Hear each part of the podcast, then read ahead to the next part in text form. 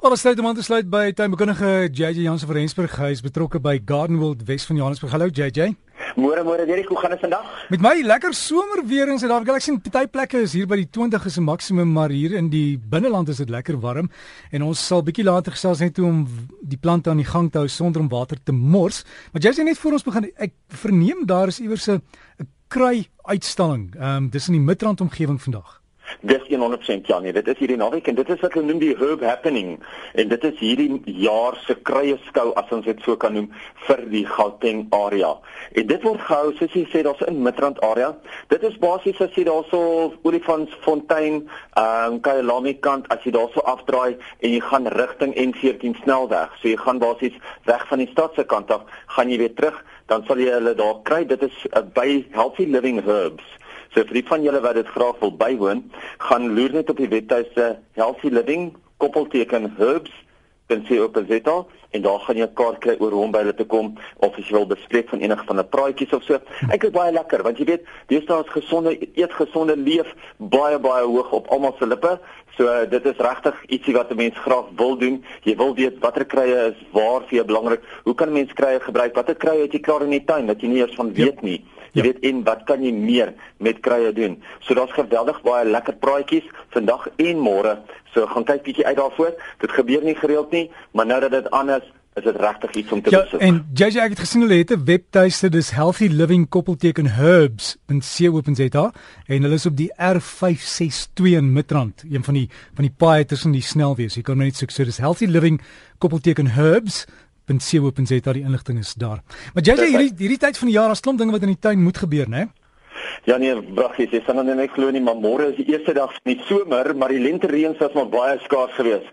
En hulle sê ook hierdie El Niño gaan nog ten minste 3 maande die reën weghou. So ons moet maar mooi kyk na ons tuine en wat wat moet ons in gedagte hou?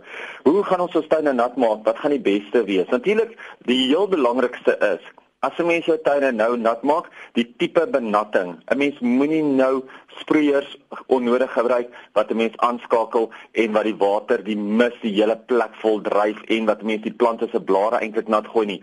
Dis baie beter om nou 'n tuinvang eerder by die plante se wortels neer te sit en die plante nat te lei, jou graswerk nat te lei. Sodoende gaan 'n mens baie baie minder water verloor en natuurlik gaan 'n mens ook baie minder fungus siektes en swamsiektes op die enkelike blare van die plante ontwikkel. So kyk eerder daarna om jou plante nat te lei in plaas van met nat te spuit. Baie mense vra net vir my veral nou KwaZulu-Natal het al klaar hulle waterbeperkings. So laat my nog gewonder wat gaan gebeur met daai liedjie wat sê groen is die land van Natal. Veral hierdie jaar, ek dink hy gaan bietjie vader wees, maar in elk geval ons moet kyk na grijswater. Wat is grijswater? Hoe kan ons grijswater gebruik? Grijswater kom natuurlik van jou bad af Hy kom van jou wasmasjien af, kom van jou stort af, maar hy kom nie van jou skottelgoed af nie. Skottelgoed is swart water, want die seepe in die skottelgoed is net te sterk. So jy kan daai grys water kan jy met die grootste gemaak in jou tuin gebruik. Ek sien baie mense sê dis hoe hulle baie keer hulle tuine aan die gang hou gedurende hierdie droogte tydperke is om eerder daai grys water te gebruik. Wat is die geheim met grys water? Moet dit nooit op dieselfde plek weer en weer na mekaar gooi nie. Probeer om die tuin af te wissel met grijswater, ten minste so een keer elke week tot 2 weke kan jy uh, die die grijswater weer herhaal in 'n sekere area, maar probeer om dit dan ten minste met een of twee kere skoon water ook tussendeur na te gooi. Dan weet jy dat jy van al daai seepe eintlik ontslaa raak in die water en uh, in die grond en dat daar so geen seepe eintlik opbou nie. So maak net seker gebruik jou grijswater, potte en so aan baie baie goed met grijswater. Hierdie jaar natuurlik met die droogte saam en al die hitte is die Inca lelies ongelooflik mooi. So vir die van julle wat nou regtig lief is vir Inca lelies, gaan kyk uit by 'n kwekery, gaan kyk watter kleure is beskikbaar, dit wat jy nog nie by jou het nie. Daar is natuurlik baie groot plante beskikbaar. Daar is jou klein miniatuur Inca lelies beskikbaar, maar hulle het gegaan en hulle het gekyk watter van die Inca lelies blom op hulle beste en dit is wat hulle nou deesdae aan die publiek te koop het. So gaan loer bietjie, mense betaal miskien 'n klein bietjie meer as wat jy 'n paar jaar terug betaal het, maar jy kry soveel meer blom blomme uit dit uit en soveel meer genot. Daglelies gaan ook eersdaags begin blom.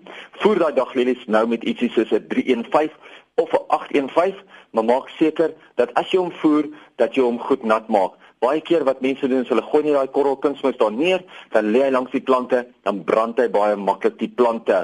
Plante wat ook nou teruggesny moet word, moet 'n mens maar verseker wees dat as jy 'n plant terugsny en hy dikkerige stakke op uh, takke op hom, laat jy dit wel seël, want daar is op iemand verskriklik baie fungusse en insekte in die ronde. Maak seker dat jy wel daai dikker takke seël en ek praat gewoonlik van 'n tak dikker as jou pinkie is ietsie wat 'n mens baie baie goed moet seël, laat niks daar inklim nie. En dan die laaste ding vir die dag is mense wat nog nie hulle rose gevoer het vir die somerseisoen nie. Dis nou 'n baie goeie tyd om dit te doen, maar wat baie belangrik is, is maak seker dat jy jou plante op die druplyn voer.